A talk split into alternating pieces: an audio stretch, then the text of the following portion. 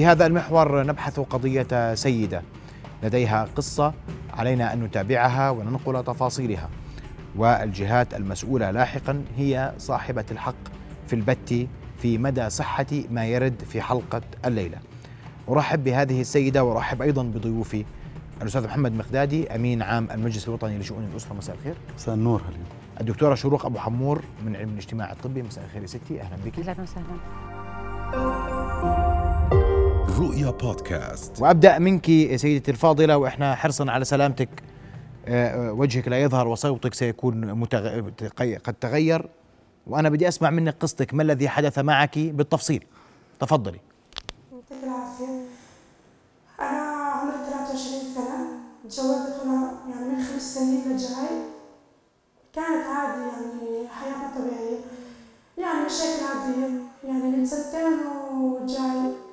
جوزي عنده حصان كثير بإيديني أنا ما بدي جوزي يعني هو كثير بضربني مش أي ضرب عادي ضرب بالصوت بواسطة الصوت. وما بيرحمني الضرب بالمرة أبدا ما بيرحمني وبالنسبة لحياتي أول إشي تحملت استحملت الضرب لأجل أولادي عندي ولد وبنات. توأم جبتهم زراعة الحمد لله. بعد محاولات عديدة. الحمد لله رب العالمين. عايشة حياتي مع جوزي يعني تحملت عشان ظروفنا المادية طلع هو ما بيستاهل. استحملت إني أعيش بخرابة أول إشي. بيتي عبارة عن خرابة. هو أول إشي كان بيتي أشطب للخيل وللحيوانات. نظفناه ظبطناه قعدنا فيه أنا وجوزي وولادي. مطبخ ما فيه. استحملت إني أحط مطبخي للحمام. لكن مع الأسف هو ما قدر هذا الإشي مني أبدا. يعني هو لما كان يضربني أي إشي مش يضربني أي ضرب في عنده آه، إحصان بضربني بالإحصان مخصص لي صواط اثنين إلي للدار اللي هو الصوت تبع الخيل. وصوت للحصان أي إشي أي مناقشة يقوم يضربني فيه ما بيرحمني أبدا. وأنا يعني اشتكيت لحماية الأسرة. لا بالأول أنا استحملت الضرب لأنه عشان أولادي آخر إشي ما استحملت. وحرمني من أهلي سنة كاملة. ابني عمره ثلاث ونص ضربته الكهرباء. دخلت فيه رحت على المستشفى دخلت فيه ICU للوحدة يعني مراقبة ما في ولا أي إشي اجى جوزي علي على المستشفى صار يهددني والله لا أنيمك. على نفس السرير بال ICU بكرة أنت روحي راح أنيمك بالسرير. راح أنيمك على نفس التخت. ما راح أرحمك. أنت هيك تعملي بابني. طب أنا ما عملت لك بابنك هيك إذا إبنك وانت كهربت كهربت الدار ما فيها أمان. كهربت الدار اللي عايشه فيها أنا ما فيها أمان بالمرة. يعني عادي أنا ماشي وأنت ماشي بدك تنضرب كهرباء. المهم آه، دخلت فيه بالاي ليله كاملة. روحت ثاني يوم. عادي معصب هو. إجا عمي زارني. طب آم، إجا زارني عمي حط بيدي عشر دنانير. لما شافني وين ساكنة أنا بأي دار. ما رضي يفوت علي جوا. استقبلته برا على الشارع. راح عمي ما رضي يفوت علي على الدار. طبعا جوزي أخذ مني العشر ليرات وراح عند أمه. فتت أكمل شغل الدار أنا كنت قاعدة بشتغل. لما كنت أشتغل حكى لي آه، كمل الشغل أنا هيني جاي. راح غاب عشر دقايق ورجع. طبعا هاي آخر ليلة صار آخر نهار صار بيني وبينه. لما رجع مسك ال لا كانت عادي كنت قاعدة بشتغل. صوتي رفع على الأولاد. بنتي عمرها التوأم الولد طبعا آه، عمرها ثلاث سنوات ونص. رفع صوتي عليها عادي. يعني زي كأي أم عادي يعني داخل بيتي أكيد بدي أخذ حريتي ببيتي. ما عجبه. طبعا من دون ما يحكي لي لا تسكتي ولا أي شيء قام مسك الصوت صار يضربني فيه. أنا بنفس الوقت ما استحملت الضرب. أنا ك... يعني أنا كأم ما استحملت الضرب بالمرة أنا ك- كأنثى. كان يضربني. ضربني يعني بنفس الوقت. والله العظيم إني ما استحملت بالمرة. وقف قلبي. هسه حاليا مريضة. منه من ضربة. تركته يكمل ضرب تركته يكمل ضرب فوت جوا على الدار. كنت على البلكونة. طولي بالك لما إني فتت جوا لحقني بالصوت. اخذته رميته على خزانة الصوت طلعه جابوا يعني طلع الصوت عن الخزانة صار يضربني فيه ما رحمني تركته يكمل الضرب.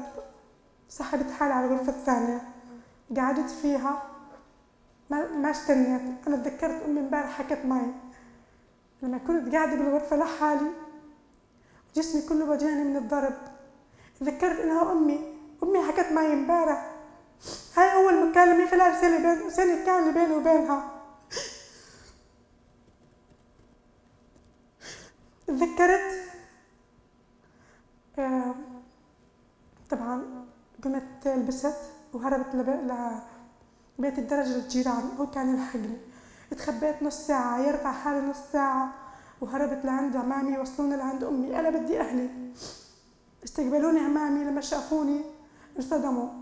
نسوان عمامي لما شافوني انصدموا أنا لما شافني أنا كان وزني 90 كيلو. تخيلوا قديش وزني 90 كيلو. هسه وزني بالستينات. بالستينات بس خلال شهرين.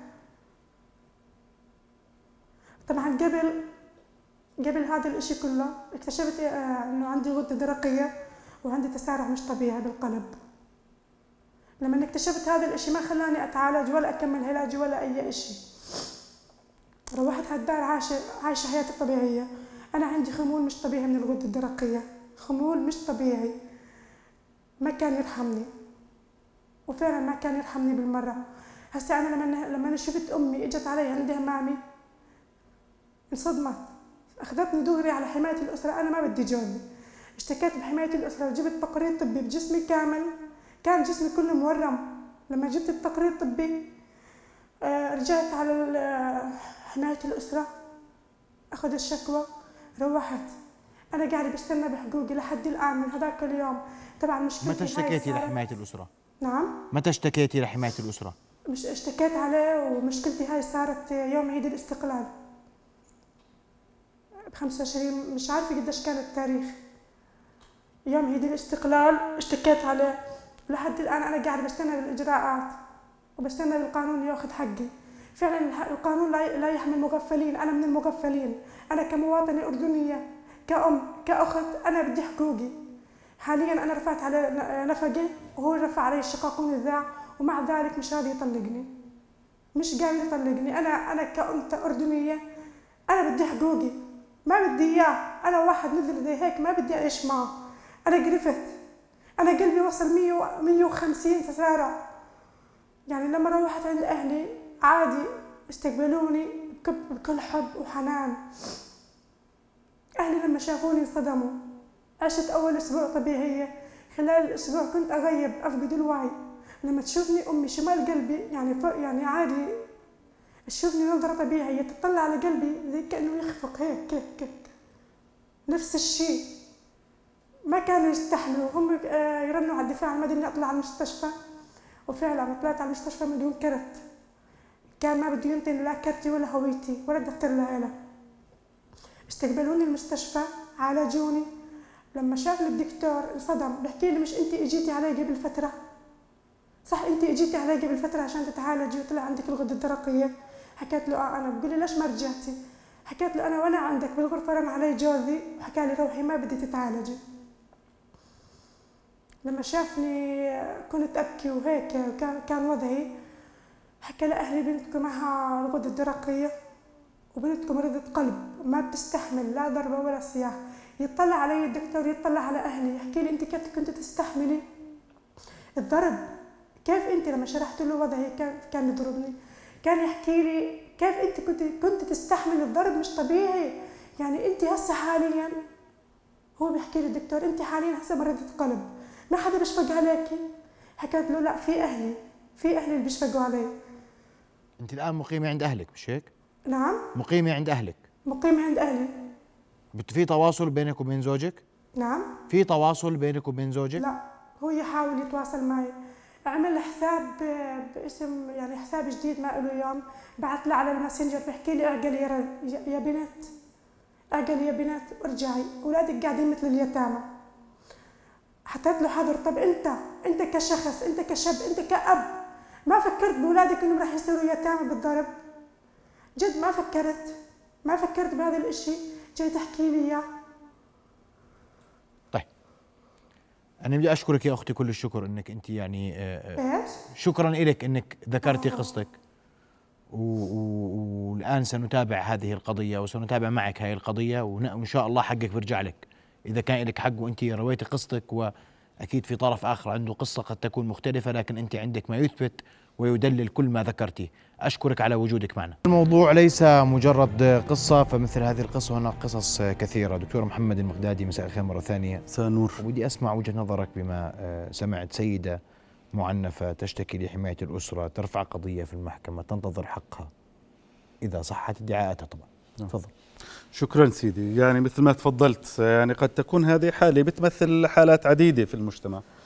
وإحنا يعني ما يصل لإدارة حماية الأسرة. دائما بحكي قد يكون العدد الأقل من ما يمارس داخل الأسر لأنه هذا أسر يعني أبواب مغلقة. لا نعرف ماذا يحصل داخل هذه الأسر. آه، آه، النساء والأطفال بالعادة هم الأكثر آه، تعنيفا. وهذا حسب الأرقام التي ترد إلى إدارة حماية الأسرة. ثلثي حالات التي ترد إلى إدارة حماية الأسرة تكون من النساء والثلث يكون من الأطفال بهذا النوع من الحالات هنالك إجراءات مكتوبة الصراحة يعني بالقضية اللي سمعناها من منذ قليل آه، هنالك إجراءات واضحة لدى إدارة حماية الأسرة وهنالك قوانين آه، تتعلق ب آه، الإجراء المتبع من قبل الإدارة في التعامل مع هذا النوع من القضايا.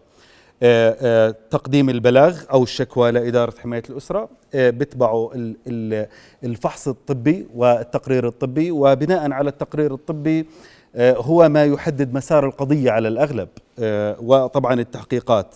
في العادة إدارة حماية الأسرة كمان بتفحص الأطفال لأنه يعني هذا النوع من العلاقة داخل داخل الأسرة يعني على الأغلب هنالك عنف يكون على الأطفال فإذا كان في أي شيء يؤثر على سلامة هؤلاء الأطفال يتم سحبهم إلى إما إلى أقاربهم من آه، من أشخاص تثق فيهم الإدارة من خلال دراسة اجتماعية أو إيداعهم في دور الرعاية الاجتماعية.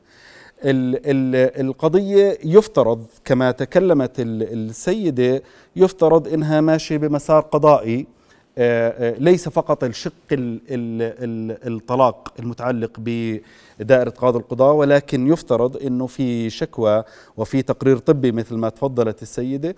وهذا التقرير بناء على حجم العنف اللي بتوصفه لابد أنه يكون هذا التقرير آه، جسيم. إذا كان التقرير الطبي بهذا بهذا الفظاعة فيعني بيتم توقيف الجاني. لأنه آه، يعني آه، بناء على التقرير الطبي وحجم الضرر اللي واقع ومدة التعطل بوصفوها في التقارير الطبية آه، بيتم توقيف الجاني. فلذلك أنا يعني ما بعرف بحيثيات القضية وما هو فحوى هذا التقرير الطبي اللي حصلت عليه السيدة وحجم الضرر اللي حاصل. بس هنالك إجراءات واضحة لدى الإدارة ويعني كثير من النجاحات لدى إدارة حماية الأسرة في التعامل مع قضايا آه، يعني آه، أكثر من هيك وأقل من هيك شدة الصراحه في أكثر من هيك شدة؟ نعم يعني في قتل سيدي يعني في جرائم قتل وصلت. عندما تصل جريمة القتل هذا نعم. يعني هذا أمر يعني آه، بالتأكيد أفضل لكن أنا بحكي من ناحية التعنيف. أسمع وجهة نظرك دكتورة شروق تفضلي. طيب مساء الخير. بداية وجهة نظري بتساؤل بدي أطرحه على الدكتور محمد. إنه هل تعتقد إنه الإجراءات يلي يعني يتم اتخاذها من قبل حماية الأسرة هي إجراءات كفيلة بحماية الضحية الست المعنفة يلي بتتعرض لأذى نفسي وأذى جسدي وشعور بدونية. ومثل ما حكينا بالمثال اللي طرحته الست يعني حسينا إنه شبكة الدعم الاجتماعي تكاد تكون مفقودة وست بتتعرض لتهديد من قبل زوجها. وبتيجي أكثر من مرة بتراجع مستشفيات وبتتحجج بأي شيء وقعت عن السلم وقعت وأنا بنظف وبتحكي كثير أمثلة بتكون بعيدة عن المصداقية. بينما إلزامية التبليغ بتكون من قبل مؤسسات الصحية واردة بنسبة 100% بس لما بتيجي للست المعنفة بتحكي لك أنا ما ما ضربني. وهي فعليا انسان لما يكون متعرض لعنف أو إساءة هو إنسان غير قادر يعني بحاجة للتنوير للتبصير لحدا يفهمه وضعه وينشله من من اللي هو فيه. وهي مش قادرة إنها تحمي حالها. وبيصفى إجراءات حماية الأسرة بدك تشتكي ولا لا؟ فسؤال بدك تشتكي ولا لا؟ هل هو إجراء كافي من قبل حماية الأسرة لست مش قادرة ولا ملاقي ناس تحميها وكل شيء حواليها معتم ومش قادرة تلاقي منفذ تطلع منه؟ تفضل يا دكتور. آه معلش الدكتورة شروق يعني أخذت جانب السؤال. نعم. آه قلقة أن المعنفات يخشين التبليغ ولما يوصلوا نسألها ليش؟ ما هي معنفة. آه، آه، هي هي مشكلة الصراحة صحيح. الإحجام عن التبليغ في مجتمعنا الأردني واضح أنه في مشكلة مم. إحجام الجيران عن التبليغ وإحجام الأهل عن التبليغ وإحجام الأشخاص أنفسهم عن التبليغ وإحجام المؤسسات مؤسسات مقدمة الخدمة أيضا مم. اللي ملزمة بالتبليغ بموجب القانون لا تبلغ اليوم إحنا إيش قصدك في المؤسسات لا تبلغ سيدي قانون الحماية من العنف الأسري أوجب على كل مقدمي خدمة سواء كان خدمة اجتماعية صحية آه نفسية وما إلى ذلك وجوب التبليغ في حالات الإجباري آه، آه، يكون لمن هم دون ال 18 يعني إذا في طفل عم بتعرض أو وجدنا من خلال العامل الصحي أو العامل الاجتماعي أنه عم بتعرض لعنف سواء كان العنف بسيط أو شديد وجب عليه التبليغ.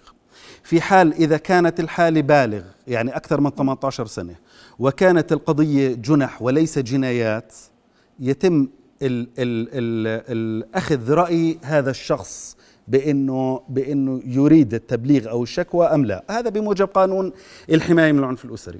اللي بدي أشير له إنه واللي حكت الدكتورة شروق بأنه التبليغ هنالك يعني اليوم إذا بنروح على إدارة حماية الأسرة كم عدد الحالات الواردة من المؤسسات الصحية على سبيل المثال. من القليل جدا ورود مع إنه في العالم القطاع الصحي هو القطاع الأكثر كشفا لحالات العنف. ولكن في إحجام عن التبليغ. الأهل ما بيبلغوا. أنا مش بحكي بس عن الضحية. أو الناجية يعني بتخاف أو بتخاف على أولادها. هذا هذا كموضوع يعني بنعرف إنه موجود ولكن حتى الأهل يحجمون عن التبليغ حتى الأقارب والجيران يحجمون عن التبليغ. في إحجام عن التبليغ. اليوم بدنا سؤالك هل الإجراءات إدارة حماية الأسرة 100% ممتازة؟ فيش شيء 100% ممتاز. يعني هذا هذا لا شك فيه. الإجراءات القانونية جيدة جدا. أنا بعتقد أنها جيدة جدا. اليوم عندنا نقص بالخدمات الاجتماعية وخدمات الصحة النفسية هذا موجود بكل الأردن. إحنا نفتقر لخدمات الصحة النفسية ليس فقط في إدارة حماية الأسرة بكل مؤسساتنا الوطنية نفتقر لخدمات الصحة النفسية. ففي نقص بالخدمة الاجتماعية النفسية في نقص الخدمات الإجرائية القانونية القضائية أنا بعتقد خدماتنا جيدة جدا. دكتورة. أنا بعجالة ارجوكي وقتي بدهمني أوكي. آه طبعا يعني في إجراءات في تبليغ في تحت ال 18 في فوق ال 18 المشكلة في, في القطاع الطبي الذي لا يبلغ المشكلة في الأهل اللي بيمتنعوا عن التبليغ. نعم. الجيران اللي ما بيبلغوا بس أنا يعني بدي أمشي معكم بس أنا أعتقد إنه صار في توعية وتثقيف للقطاعات الطبية وصار في كثير من المواقف يلي خلتهم يحسوا خلينا نحكي باللغة العامية بالحامي لأنه كثير من القضايا كانت تورد على أساس إنه يتهاونوا فيها وما يبلغوا بعد هيك إنه يوصل كتب رسمية وإنه ليش ما بلغتوا ليش ما عملتوا. وصار في قوانين إنه إلزامية تبليغ فصارت الجهات إنه مثلا مزود الخدمة الصحية إذا راجعته ست بتعاني من عنف وروحت على البيت وصار فيها ضرر أكبر ما بيسألوا بس الست اللي تعرضت لعنف أهلها واللي حواليها بيروحوا أول سؤال بيسألوه أني مستشفى راجعت؟ وشو ليش أنت ما بلغت؟ وليش ما عملت؟ وليش ما سويت؟ بس أنا نقطتي اللي أنا مصرة عليها إنه لما بتورد الحالة لحماية الأسرة ما بحس إنه في إجراءات كفيلة بحماية الضحية بنسبة 100% من الأذى كناحية قانونية قال لك ما في شيء 100% في إجراء تقاضي 100% هلأ آه رسالتي آه. تفضل تمام. هلا رسالتي لما أنا سمعت آه، آه، ملخص للحالة وهي كمثال من كثير حالات بتراجع وبتورد وبشوفها وبتعامل معها إنه الست يلي بتضلها وبترضى بالضرب وبالإهانة علشان مثلا أطفالها. هلأ لما بدنا نشوف الأطفال الأطفال آخر شيء أنا متأكدة إنه في عندهم مشاكل نفسية وصعوبات اجتماعية والتارجت والهدف اللي أنت ضليتي عنده علشان إنه تحمي أطفالك أنت يعني ربيتي عندهم عقد نفسية نتيجة الضرب والإهانة يلي بتشوفيه. مشاكلك الصحية تسارع بنبضات القلب آه، خسرت وزنها. وفي كثير من الحالات كانت تورد وتعاملت معاها لستات. عانوا من مرض الصرع نتيجة الضرب المبرح على منطقة الرأس وتزايد في شحنات الكهرباء. آه، عانوا من قرحات بالمعدة عانوا من صعوبات آه، مثلا شقيقة وأمراض مزمنة أخرى. فإنه أنت مثلا بدك تضلي علشان تديري بالك على أولادك أنت رح تخسري صحتك وصحة أولادك. آه كمان هي بتحكي لي إنه إلها خمس سنين موجودة بالبيت. مستحيل إنه الضرب اجى اليوم وامبارح واجى مثلا آه، من عمر ثلاث سنوات ونص. إنه أنت لما ضليتي خمس سنوات خمس سنوات وأنت بتتحملي الضرب والإهانة أكيد كان بإمكان كل ست إنه بتسمعني طيب. والنموذج إنه تت يعني تتخذ إجراء قبل ما تتفاقم الأمور وتوصل لهون. دكتور حق أي سيدة معنفة تحصل عليه بالقانون؟ مم. أي سيدة ممكن تعرض للتهديد من قبل آه، آه، زوجها إن صحت ادعاءاتها أو ان لم تصح هذا محفوظة في القانون. نعم أو لا؟ بس أرجو. نعم. محفوظة. نعم. تتفقي إنها محفوظة في القانون؟ إذا لجأت للقضاء تحصل على حقها. نعم. إذا أثبتت قال في التقرير الطبي هو الأساس في كل شيء. أنا أعتقد أنه مهما وصلت المرأة لدرجات من القانون ومن ومن وخصوصا بمجتمعنا الأردني بتضلها مظلومة. بدي أشكركم الشكر دكتور لا بدي أعلق على قضية القضاء لأنه لما بنحكي عن قضاء اللي بيراجع لا وبيقرأ أي قرار قضائي لأي نوع من الحالات وخاصة حالات العنف الأسري أنا بعتقد يعني التفاصيل اللي بيدخل فيها القضاء في منح الحق لصاحب الحق وإحنا شفنا كثير من القضايا صراحة آآ آه، آآ آه، آه، يعني هنالك قضاء في التعامل مع قضايا العنف الأسري. ممتاز جدا عندما تصل الحاله إلى القضاء. واضح. بدي أشكركم كل الشكر ضيوف الكرام شرفتوني بحضوركم الليلة. شكرا جزيلا لكم. رؤيا بودكاست.